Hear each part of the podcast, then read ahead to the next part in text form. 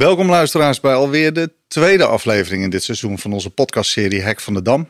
Uh, Martijn, ook weer welkom natuurlijk. Dankjewel. We gaan het dit keer hebben over trends in 2022.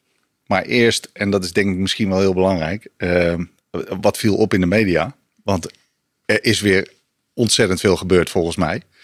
En een van de belangrijkste, uh, starten we daarmee, de mediamarkt. Ja, de mediamarkt is natuurlijk nu uh, ja, wel grootscheeps in het nieuws. Want die zijn geraakt door een, door een ransomware aanval. Dus waar we de vorige aflevering het nog hadden over de VDL-groep, was daar mogelijk iets met ransomware. Nou, dat is inmiddels wel natuurlijk bekend geworden dat dat het is geweest. Maar nu is de mediamarkt aan de beurt. Ja, en je zag toch dat die aanvallers uh, even om de hoek komen kijken met een goede 240 miljoen dollar als, uh, als ransom fee. Ja, het is ongelooflijk. En dat op een moment dat we het vorige keer eigenlijk ook hadden over hybride werken. Hè. Men moet gaan thuiswerken. Dus misschien nog snel even het noodzakelijke uh, hardware spulletje halen bij de mediamarkt. Ja. Kan het überhaupt? Kunnen we nog wat kopen met een mediamarkt? Of ja, je kunt, je kunt in de winkel nog terecht. Hè? Dat hebben ze ook gezegd. Je kunt bij ons nog spullen kopen. Je kan nog keurig netjes afrekenen. Alleen bijvoorbeeld spullen terugbrengen is niet meer mogelijk. Ja, waar het voor de mediamarkt natuurlijk wel een beetje lastig is, is dat we langzaam natuurlijk al kijken naar de intocht van Sinterklaas. De feestdagen komen eraan.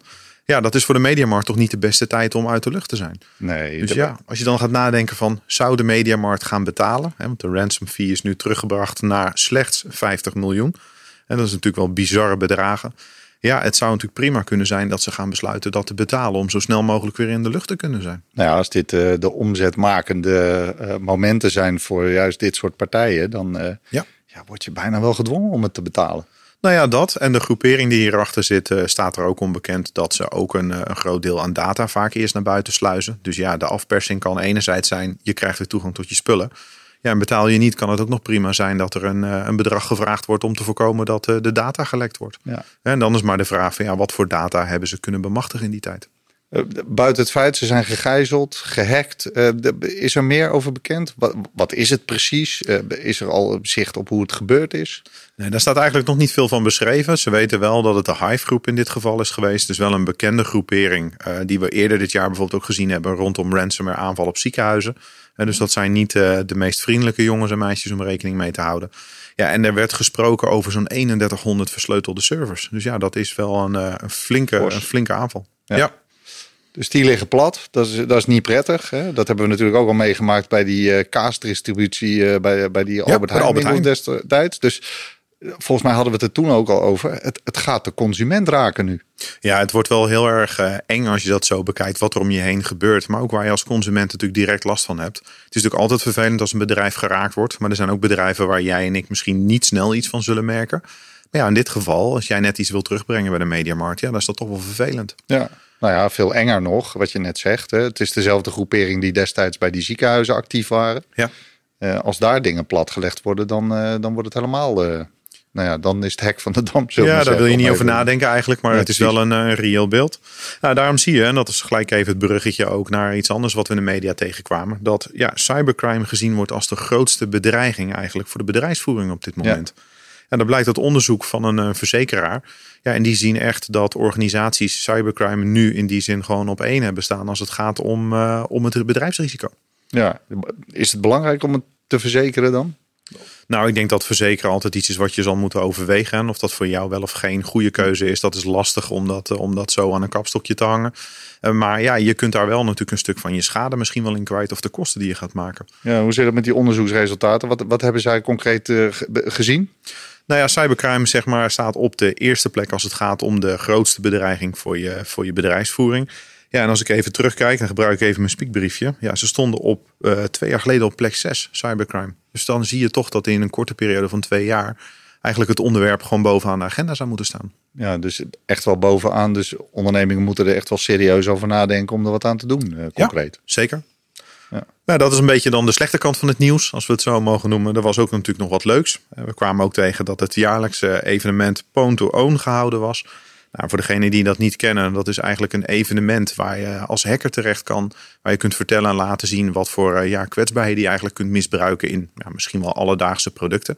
Ja, waar je als hacker dan ook nog een leuke beloning mee naar huis kan nemen.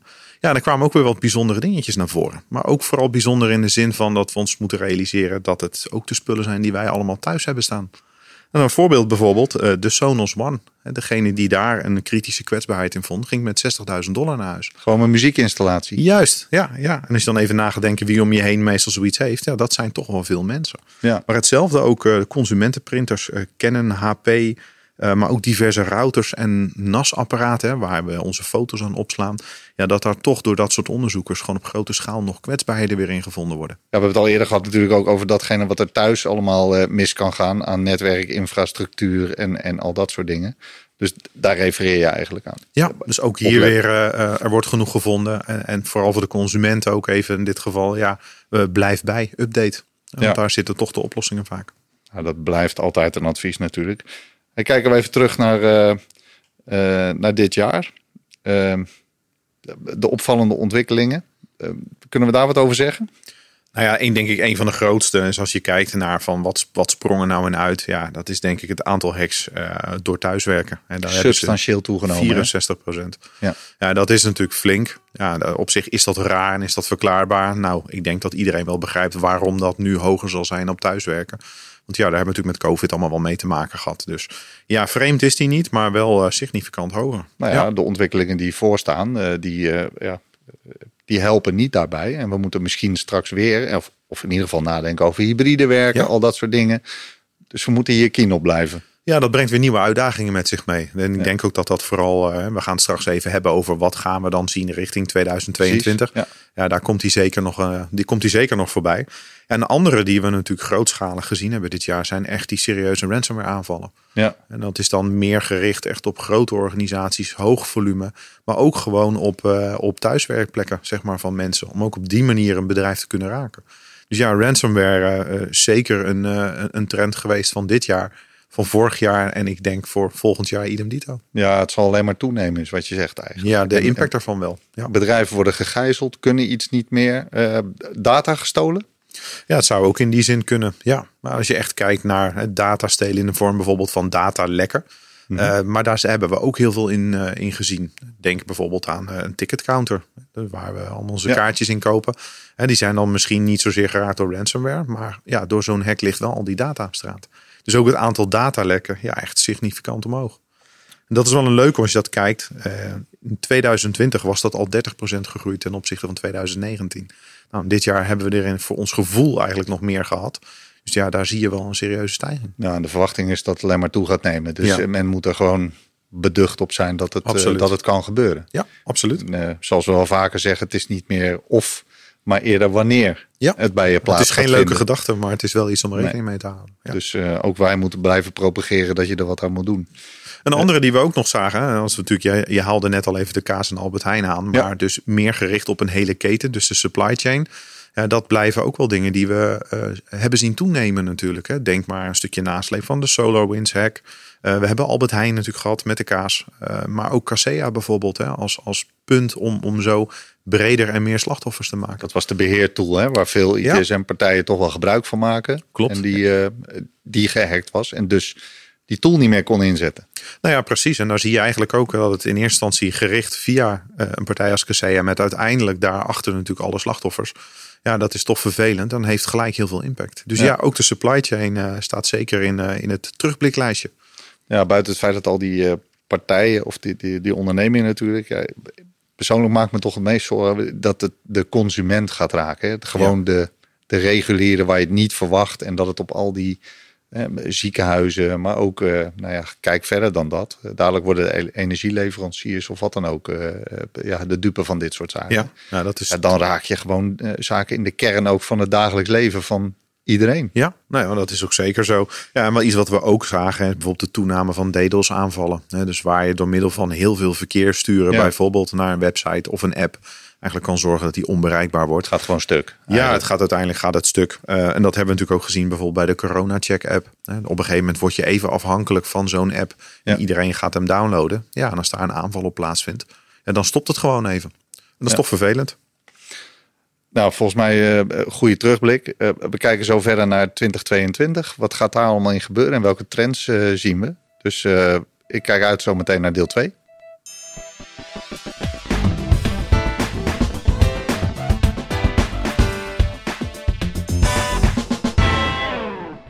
Martijn, we gaan het hebben over de trends in 2022. En trends, ik heb het gevoel dat het allemaal maar al vandaag er wel is. Maar dat we er alleen nog steeds meer mee te maken gaan krijgen. Uh, voor wat betreft cybersecurity. Uh, heb jij een overzicht? Wat gaat er allemaal gebeuren? Wat komt er op ons af? Ja, ik denk dat je daar de spijker op zijn kop slaat. Want of, uh, of er echt veel nieuwe dingen bij zitten, nou, dat betwijfel ik.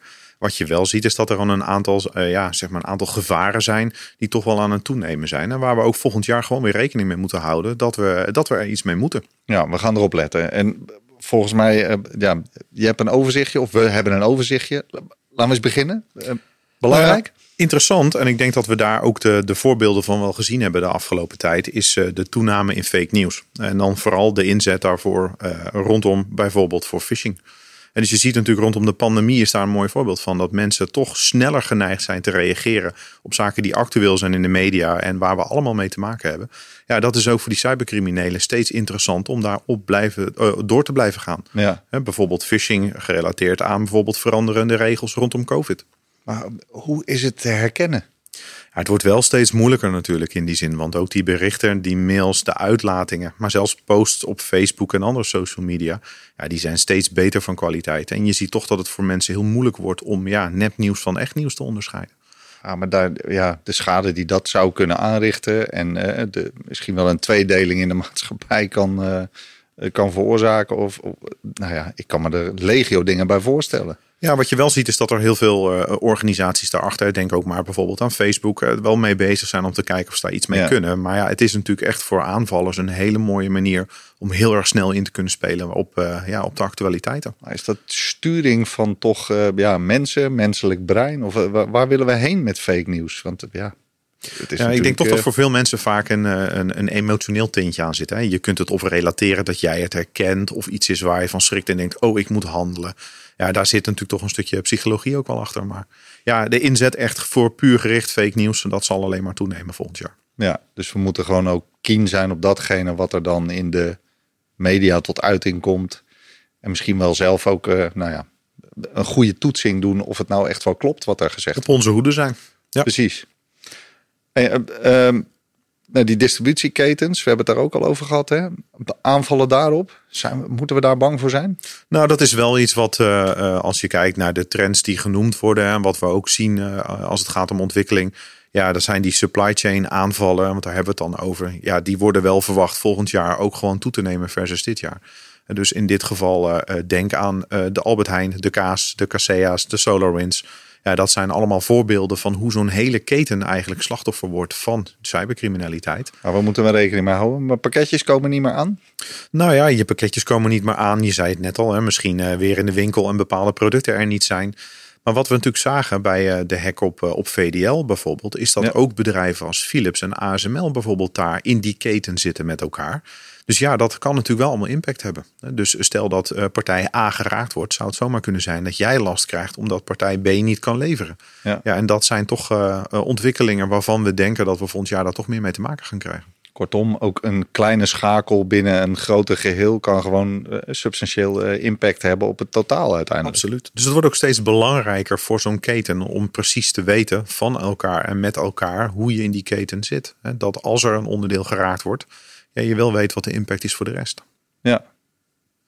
En een andere, uh, dan gaan we wat meer even aan de, aan de kant van de, van de cryptovaluta. Dat is natuurlijk altijd interessant. Ja, hackers richten zich ook steeds meer op cryptovaluta. En dat is naar verwachting volgend jaar nog alleen maar meer.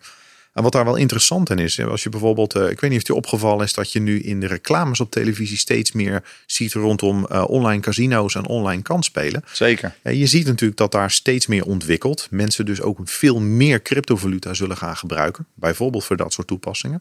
En dat voor die hackers natuurlijk steeds interessanter wordt om uh, achter die, die wallets aan te gaan.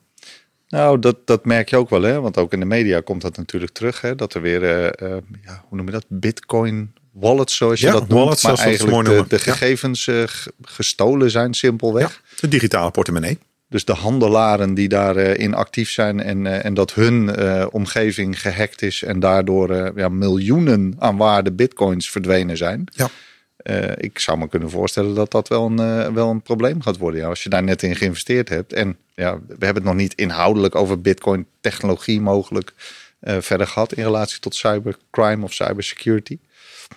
Uh, maar je zegt, dit is een, uh, dit is een welkome ja, bron van inkomsten zelfs ook nog voor, uh, voor die hackers. Hè? Nou, wat we natuurlijk zagen toen er wat meer gebruik gemaakt werd van online bankieren, zag je ook dat malware voor telefoons, voor smartphones, voor browsers steeds meer daarop gericht werd. Ja, nu je ziet dat dan de gebruik van cryptovaluta blijft toenemen, ja, wordt dat ook voor hackers gewoon een steeds interessantere bron van, ja. van inkomsten. Dus ja, daar kunnen we met z'n allen wel op voorbereid zijn dat daar volgend jaar uh, nog meer rondom zal gebeuren. Ja, en er wordt ook niet eigenlijk bankair uh, betaald en onderhandeld hè, bij ja, gijzelnemers van, van omgevingen. Het gaat allemaal in, uh, in cryptovaluta. Allemaal in cryptovaluta en het liefst zo, ja, zo moeilijk mogelijk te traceren. Ja. Uh, dus ja, voor cybercriminelen is die cryptovaluta natuurlijk prachtig. Nou ja, die, die, die stijgen en daar natuurlijk ook substantieel in waarde. Hè? Dus, ja. dus je kunt ook met een beperkt aantal ineens heel veel geld hè, hebben of moeten betalen over, uh, over ja. iets. Als je geluk hebt, is wat je vandaag steelt morgen dubbele waard. Dus ja, dat maakt het ook nog een keer dat lucratief. Maakt het nog een keer interessanter. Ja, of andersom, dan heb je minder geluk. Ja. Okay. Maar daar, daar raken we denk ik ook gelijk al een heel interessant onderwerp. Want als je kijkt naar bijvoorbeeld ons gebruik van mobiele apparaten. Hè, dus denk aan je smartphone, denk aan je tablet. Ja, die zullen we ook steeds meer blijven gebruiken voor dat soort toepassingen. Dus ook die aanvallers zullen steeds slimmer gaan worden. En ook volgend jaar nog steeds meer focus leggen op bijvoorbeeld malware voor op je smartphone. Nou ja, je smartphone is een onderdeel van je leven aan het uitmaken natuurlijk. Nou ja, het is natuurlijk de computer die we iedere dag meenemen ja. overal waar we gaan. En uh, nog net niet naar de wc. Of voor sommigen misschien wel. Uh, maar ja, op dat moment is dat natuurlijk nog steeds een interessante aanvalsvector. Maar er zit een hoop natuurlijk ook aan applicatietjes in. Hè. We telebankieren ermee. Uh, we zien er nieuws door. Hè. Dus het heeft ook weer raakvlakken met veel. Wat lees ik nou en, en, en wat doe ik verder met die, uh, met die smartphone? Ja, en wat je natuurlijk ook regelmatig in het nieuws zit, is dat er ook grootschalig bijvoorbeeld in de, de app stores hè, voor Android of voor iOS, dat daar ook af en toe wel eens wat apps uitgetrokken worden. Omdat men erachter komt dat daar uh, ja, uh, wat functies in zitten die er niet in horen. Hè, bijvoorbeeld voor het stelen van wachtwoorden of het stelen van cryptovaluta. Ja. Dus ja, het risico uh, voor de gebruikers daarvan, ja, dat gaat echt wel toenemen. En dus die controle wordt ook door uh, die partijen die die operating systemen voor die smartphones aanlopen, ook alleen maar, uh, ja, die, die moet scherper. Ze zullen scherper moeten controleren. Anderzijds denk ik ook dat wij als gebruikers ons bewuster moeten zijn van het feit dat er ook kapers op de loer liggen. Dus dat niet alles wat in die App Store staat uh, zomaar betrouwbaar is. En dat je ook niet alles maar klakkeloos moet installeren. Nee, nou ja, daar kunnen we nog wel uh, dus misschien wel daar een hele aflevering over maken. Want daar hebben we nog wat die voorwaarden niet. Of daar hebben we nog wat werk aan. Precies. Maar goed, mobiele devices, ja, bankieren, online diensten, wallets. Het wordt steeds belangrijker. Dat zal ook echt volgend jaar uh, op, de, uh, op de lijst staan van de hackers. Daar twijfel ik niet aan. Nee, dus ja, voorzichtigheid is geboden. Ook hiermee weer. Absoluut. Ja. En een andere, ik vind hem altijd interessant, de deepfakes. Ik weet niet of je weet wat een deepfake is, Jasper. Nou, ik wilde al voorstellen, misschien moeten we een keer een podcast maken die we dan opnemen en dan in een deepfake variant. Dat lijkt me leuk. Misschien dat we dat uh, voor het einde van het seizoen doen. Stel dat het niks wordt, kunnen we voor de bloopers gebruiken. Ja, misschien wel. Uh, maar ja, deepfakes is natuurlijk... We kennen CEO-fraude bijvoorbeeld. Hè, waar we dus een mailtje sturen, zogenaamd van de directeur... of je wat geld over wil maken. Maar als je kijkt naar deepfakes... waar men dus in staat is om video en audio van iemand eigenlijk na te maken... Uh, ja, daar wordt nu ook gebruik van gemaakt om die CEO-fraude bijvoorbeeld te doen. En naar verwachting volgend jaar zal dat ook een enorme uh, manier zijn waarop aanvallers te werk gaan. En hoe moet ik me dat voorstellen? Nou, wat je wel eens ziet, hè, voorheen stuurden we natuurlijk een mailtje van uh, beste financieel controller en ja. boek even zoveel duizend euro over naar deze rekening. Maar wat nu ook gezien wordt, is dat we dus een filmpje sturen van goh, ik heb een beetje slechte verbinding, het beeld is niet helemaal goed. Maar dat je dus eigenlijk de directeur tegen jou ziet praten en zegt, wil jij voor mij 12.000 euro overboeken? Het is ineens een hele andere dimensie, hè? want dat per e-mail konden we allemaal wel plaatsen. En vaak leerden we daar wel herkennen.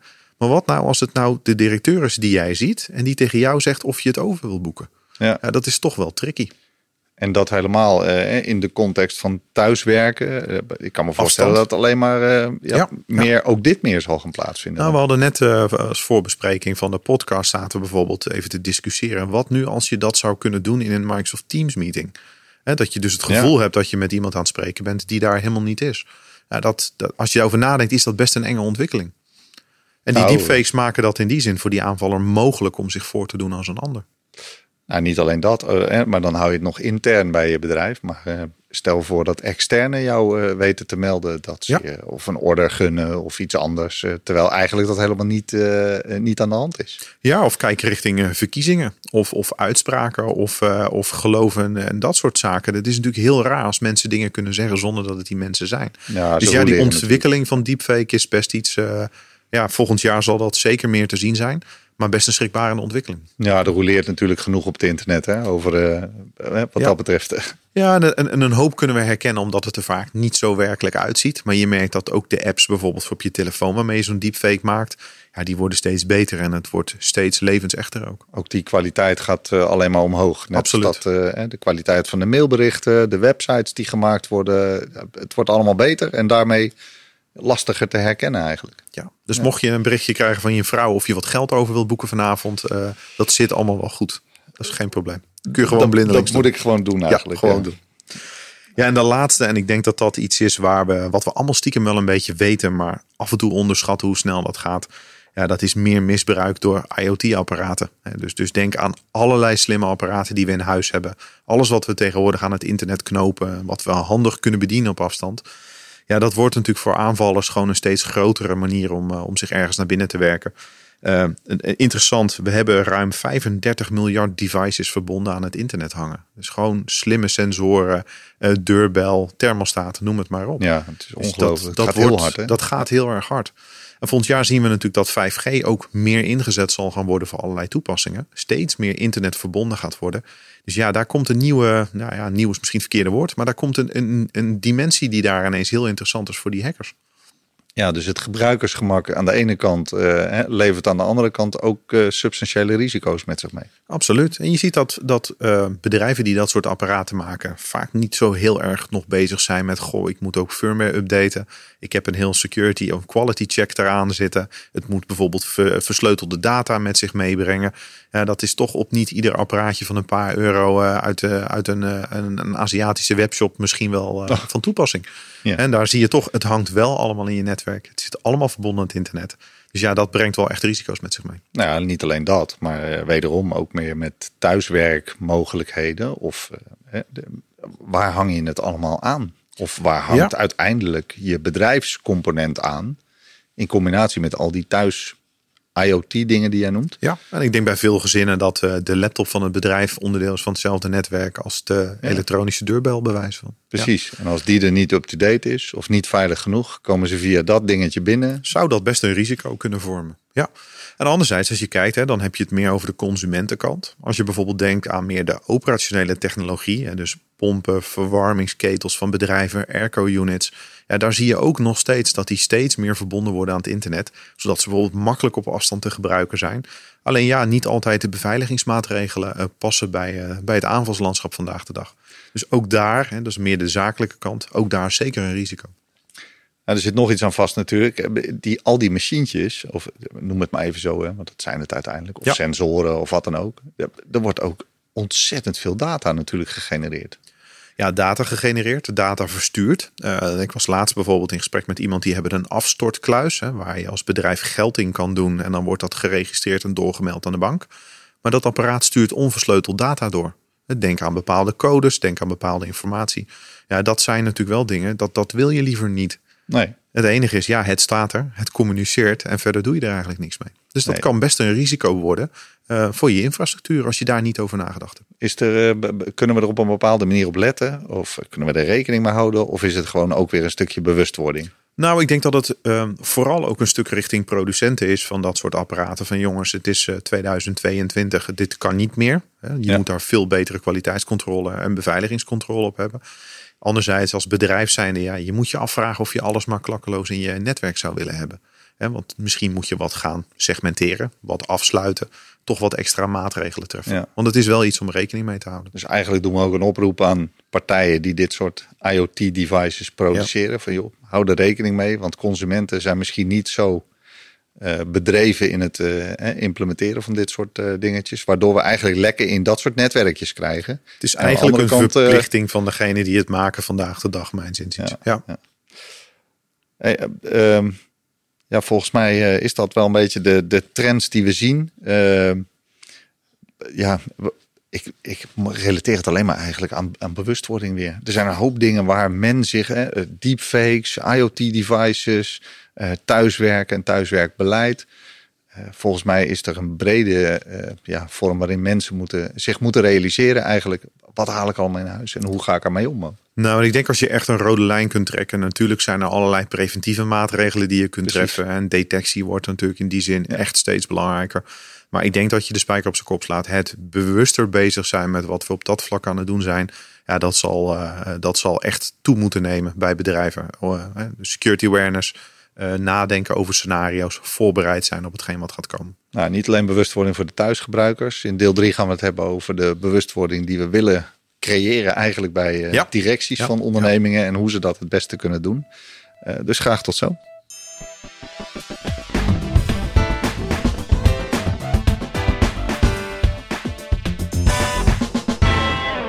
Welkom terug alweer, deel 3. Laatste stukje. En nu gaan we directies helpen, is het idee. Ja. Hoe krijgen we die nou bewuster uh, van, dat, van, van de risico's, Martijn? Nou, ik denk dat wat wel helpt is dat je ziet dat heel veel van dit soort uh, dreigingen steeds meer ook in de media komen. He, dus uh, als we bij een organisatie aan tafel zitten, merk je al heel snel dat de directie zich ook wel realiseert uh, dat je als bedrijf toch andersom moet gaan met je beveiliging. Hè, dat het aanvalslandschap verandert. Ja. Dus er komt gelukkig wel steeds meer awareness. Maar ook zien we dat bedrijven vanuit de directiekamer en het bestuurlijk, bestuurlijk orgaan eigenlijk ook steeds meer voorbereid moeten zijn op het feit dat dat best wel eens zou kunnen gebeuren in je organisatie. En dan hebben we het niet zozeer over welke preventieve maatregelen tref je dan, maar meer van ja, ben je als bedrijf uh, voorbereid op zo'n crisissituatie? Hè? Stel dat het gebeurt, weet je dan wat je moet doen? Ja, we hebben vorig seizoen natuurlijk uh, daar uh, ook uitgebreid bij stilgestaan in een van onze afleveringen. Ja. Uh, we hebben toen verzekeringsmakelaar Schouten Zekerheid, of een afgezant daarvan, ja. hier aan de podcast gehad.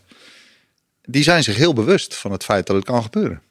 Is, nou, dat, is dat goed? Dat is denk ik heel erg goed. Want het, is, het klinkt natuurlijk altijd een beetje raar van ga er maar niet vanuit of het gebeurt, maar meer wanneer het gebeurt. Maar ja, als bedrijf daarop voorbereid zijn is wel een belangrijke schakel in het geheel.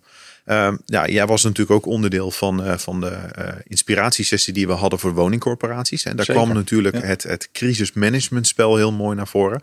Ja, ik, hoe heb jij dat ervaren? Want daar gingen we natuurlijk eigenlijk gesimuleerd zo'n scenario eens laten landen bij die, uh, bij die bestuurders. Nou, wat je daar vooral, of wat ik daar vooral ervaren heb, dat die bestuurders onvoorbereid aan tafel zitten. Ehm, niet zomaar een plan uit de la kunnen trekken waar eigenlijk het scenario in staat of wat de stappen zouden moeten zijn die ze moeten doen. Uh, ook niet direct wie ze moeten informeren als het over een AVG-achtig iets gaat. Uh, hè, lek, is er iets gestolen? Uh, hebben we het over ja, onze eigen data of persoonsgegevens die weg zijn of misschien ergens gelekt? dus men weet het eigenlijk niet specifiek van het scenario wat ze op dat moment voor, ligt. En in dit geval hebben wij erop toegespitst dat het een, ja, eigenlijk een interne breach was van iemand die ontevreden was. Ja. Dus uiteindelijk bleek het allemaal maar, ja, zeg even een storm in een glas water.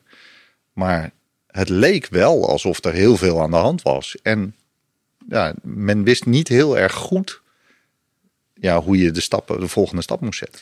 Nou, dat viel mij ook heel erg op in het scenario. Is dat je vaak wel weet dat mensen kunnen wel benoemen welke stappen er mogelijk genomen zouden moeten worden. Maar inderdaad, de volgorde en het, het vaste proces en de vaste route die vertelt hoe je dat doet.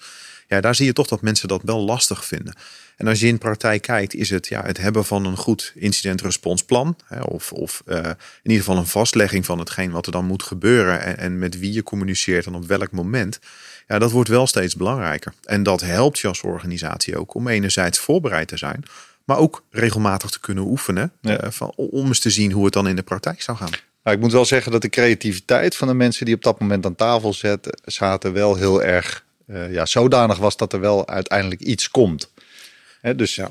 Maar dat is natuurlijk niet de zekerheid die je zoekt. Hè, het comfort zoek je toch bij uh, een plan. En ja, wat trek ik uit de la op het moment dat het misgaat? Ja, kijk, en als je dat voor het eerst doet en je gaat voor het eerst zo'n crisis oefenen met elkaar om daar voorbereid te zijn, dan is het ook heel goed dat dat misschien nog niet helemaal vlekkeloos loopt. Hè? Want het doel is natuurlijk niet dat het in, vanaf stap 1 gelijk perfect is. Je wil juist kijken waar de eventuele uitdagingen zitten. Ja, waar je toch iets mee moet als organisatie. En het mooie is dat je in zo'n proces gaat oefenen, gaat merken waar er zo hier en daar nog aandachtspunten zijn. Ja, en dan die oppakken. Ja, dat is natuurlijk wel krachtig als organisatie als je zo uh, aankijkt tegen een crisissimulatie. Ja, en dan hoef je niet meer even terug te kijken naar wat hadden we nou ook alweer allemaal geregeld. Hè? Want daar moeten we ze aan de voorkant natuurlijk van bewust maken. Je kunt een heleboel technologisch regelen. Je moet beleid maken. En uiteindelijk ja, doet de situatie zich toch voor. Wat dan? Wat ik interessant vond om te zien is dat je uh, vaak wordt dit gezien als een onderdeel van IT. dat zul jij ook wel herkennen bij bedrijven, dat vaak IT verantwoordelijk is voor het noodscenario als er iets gebeurt. Maar wat ik heel krachtig vond in dit spel, is dat je eigenlijk ziet dat de business veel bepalender moet zijn in het geheel. En IT eigenlijk maar een deelgenoot is van het probleem. dus een stukje van de oplossing, een stukje van de probleemstelling. Maar dat er nog zoveel meer omheen zweeft dat eigenlijk niets met IT te maken heeft. Nou, dat is ook een beetje datgene wat we altijd wel zeggen. Hè? Je kunt technologisch een hele hoop oplossen, maar nooit alles. En als het dan uiteindelijk gebeurt, ja, weten we het dan voldoende? Ja, en ik denk dat zo'n crisissimulatie echt voor, voor, voor directie, voor MT, een enorm krachtige manier is om je als bedrijf toch wat, wat sterker uh, neer te zetten als het gaat om dit soort scenario's. En een andere, want daar heb je vooral het oefenen uh, en de processen. Maar ja, bijvoorbeeld het maken van een playbook voor een specifiek soort calamiteit is ook al een hele goede manier om toch vooraf eens al wat dingen door te nemen. Uh, ja, neem bijvoorbeeld als organisatie uh, met een aantal leveranciers hè, dat scenario. Wie informeert nou wie? Wie is op welk moment aan zet in een bepaald proces? Ja, bij wat als er, zijn. Ja, ja, wat als er ransomware binnen is en je kunt bijvoorbeeld niet meer bij je klantendata hoe ga je je klanten bellen? Hoe ga je je klanten benaderen? Wie doet melding bij de autoriteit persoonsgegevens? Ja, dus ook zo'n playbook met elkaar opstellen. En ook met de betrokken leveranciers is doorlopen. En eens kijken of iedereen van elkaar wel heel goed weet wat de bedoeling is ja, is denk ik een hele krachtige manier om je, ja, om je als organisatie sterker weg te zetten. Ja, kortom, het advies is om, om in ieder geval die, die directie MT-leden is bewust te maken van het feit, joh, doe nou eens zo'n spel. Uh, Doe het in een rollenspelvorm. Maak Laat voor de belangrijkste dingen zo'n playbook. Hè. Zorg dat je dat doorneemt. Oefen het. Haal de eruit. Uh, ja, en doe eens luchtig met elkaar zo'n spel om eens echt te zien van joh, hebben we nou wel alles, uh, hebben we nou wel alles wat we dachten dat we moesten doen? Ja, het is fijner om het, uh, noem het even droog te oefenen terwijl het niet aan de hand is. Terwijl je het bewijzen van moet doen op het moment dat het wel aan de hand is. Kijk, we hebben het zelf natuurlijk ook meegemaakt op het moment dat er is iets rondom zo'n grote calamiteit. En name ransomware, dat is altijd een heel mooi voorbeeld. Op dat moment speelt er natuurlijk ook bij je organisatie veel emotie. Hè? Enerzijds woede, ik kan niks meer. Mijn organisatie is gegijzeld. Misschien paniek, hoe ga ik dingen doen? Wat nou als mijn klanten willen bellen uh, en ik kan niet opnemen? Ja, dat is allemaal emotie. En als je vooraf gaat oefenen en er eigenlijk je op voorbereidt, dan kun je dat nog doen zonder al die, uh, al die, die ballast aan emotie. Ja, maar dan weet je ook wat je moet doen, welke stappen je moet zetten. Kun je het in, ja, even gechargeerd alle rust doen, want ik geloof best dat er stress is. Ja. Nou kan ik me herinneren dat jij uh, tijdens die sessie uh, iemand speelde van, uh, van de krant of van de media. En dat dat toch bij sommige deelgenoten wel een klein beetje spanning veroorzaakte. Nou, dat, dat klopt ook wel. En dat zien we ook wel bij, bij partijen die dit inderdaad ook oefenen. En die zich ook willen wapenen tegen imagoschade. Ja. Want voor je het weet, en zeker grotere partijen, we hebben het al over de mediamarkt gehad, en nou, die zijn dan gegijzeld in hun vorm van kunnen leveren van dienstverlening. Uh, maar als het inderdaad gaat over verzekeraars of ja, zorginstellingen, zorgverzekeraars, wat dan ook, en daar ligt ineens de hele uh, database op tafel of op straat. Ja, dat, dat is natuurlijk substantiële imagoschade ja. voor zo'n onderneming. En ik zou me kunnen voorstellen dat dat ja, niet per se bijdraagt aan het voortbestaan van zo'n bedrijf. Nee, dan zit je niet te wachten op de, de journalist die belt en zegt: Goh, ik heb hier een, eh, een PC in handen en daar staat jouw hele hebben en houden op. Precies. Ik kan me voorstellen dat dat wel stress oplevert. Wel leuk om te zien dat in de crisissimulatie dat ook zorgde voor een beetje spanning. En dat je toch ziet dat er wat, uh, ja, wat, wat primaire uh, reacties op komen. Ja, dat is wel interessant. Juist daarom uh, moet je kijken naar een, naar een script wat, wat niet bekend is hè, bij de deelnemers. Dat is dan mijn beeld ervan. Zodat ze zich ook niet kunnen voorbereiden. Dus even uit die comfortzone. Hè? Ja. Exact. Ja.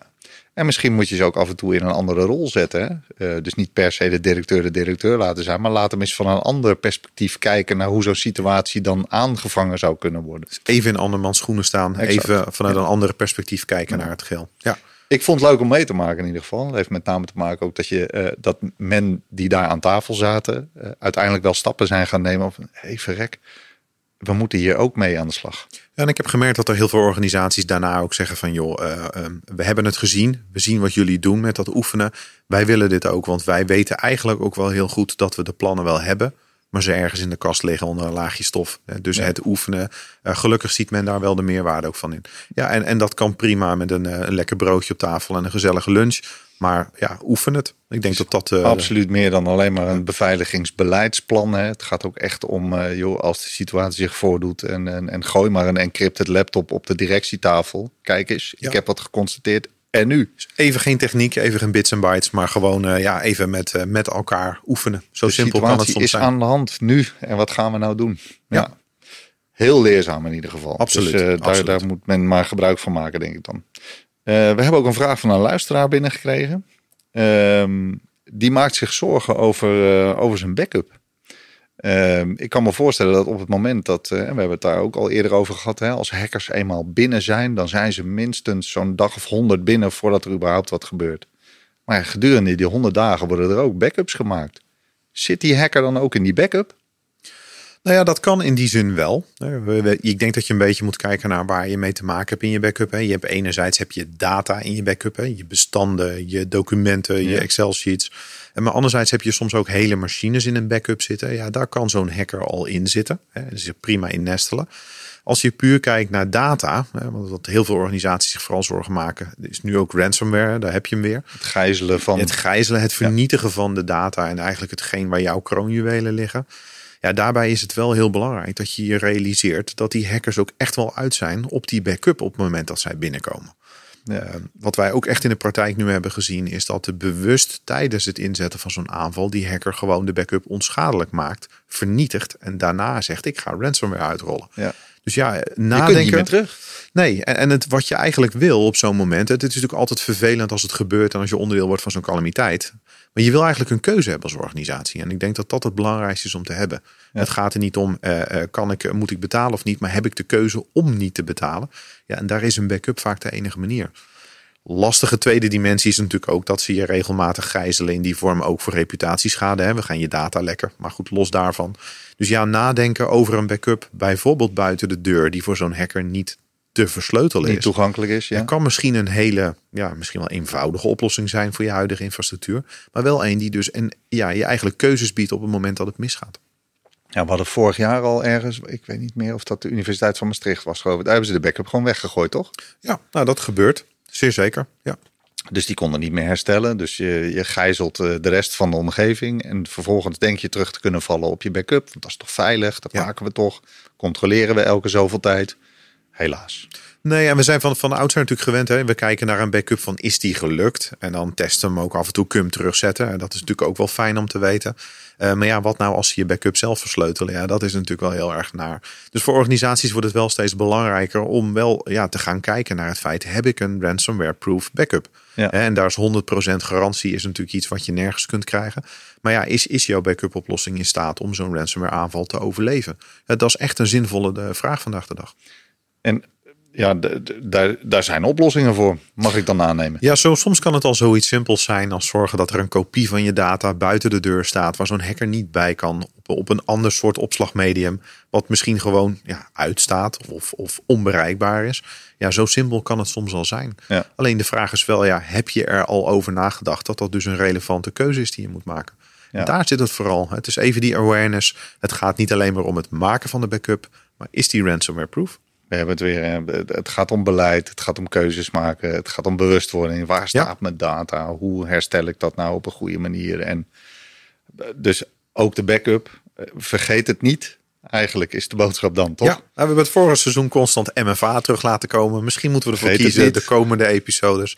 Laten we constant de ransomware-proof backup eens aanhalen. Ja. Maar uh, ja, nee, ik denk oprecht een, uh, iets waar je echt rekening mee moet nou, We kunnen het niet veelvuldig blijven, blijven noemen. Volgens mij hebben we genoeg om uh, nog vele podcast afleveringen te maken. En dat, dat gaan we ook doen. Hè? Wij hoeven ons niet te vervelen, denk ik, komend nee, seizoen. Uh, waar gaan we het volgende keer over hebben? Of de aankomende keren moet ik eigenlijk zeggen, want er is nog genoeg. Er is nog genoeg. Hè? We gaan nog een keer een aflevering maken rondom informatiebeveiliging. En dat is natuurlijk op zich ook wel een heel relevant onderwerp. Ja. We hebben er nog één die gaat zich richten op de rol van een CISO in de organisatie. Is weer iets heel andere invalshoek. Zitten we weer op die directietafel? Zitten we weer aan die directietafel. Ja. Perfect op dat niveau. Uh, maar ook bijvoorbeeld ja, Nederland en de bescherming van ons als land. Hoe ga je daarmee om? En, en wie kijkt daarna? En wat zijn nou dreigingen waar wij mee te maken hebben als land zijnde? Oh, okay. Een hele interessante manier om eens uh, net eens even een, een ring verder te kijken. In het, het weer over die hele infrastructuur die een land helemaal zou kunnen schaden ja, zelfs. Hè? Ja, ja. Dus ja, ik denk dat we daar misschien een, uh, misschien eens een specialist mee moeten halen. Nou, volgens mij voldoende onderwerpen om, om weer een hoop content aan, een, aan een podcast te leveren. Uh, voor de luisteraars voor nu heel erg bedankt uh, weer voor het luisteren. Martijn in het bijzonder. En uh, ik kijk weer uit naar de volgende Martijn.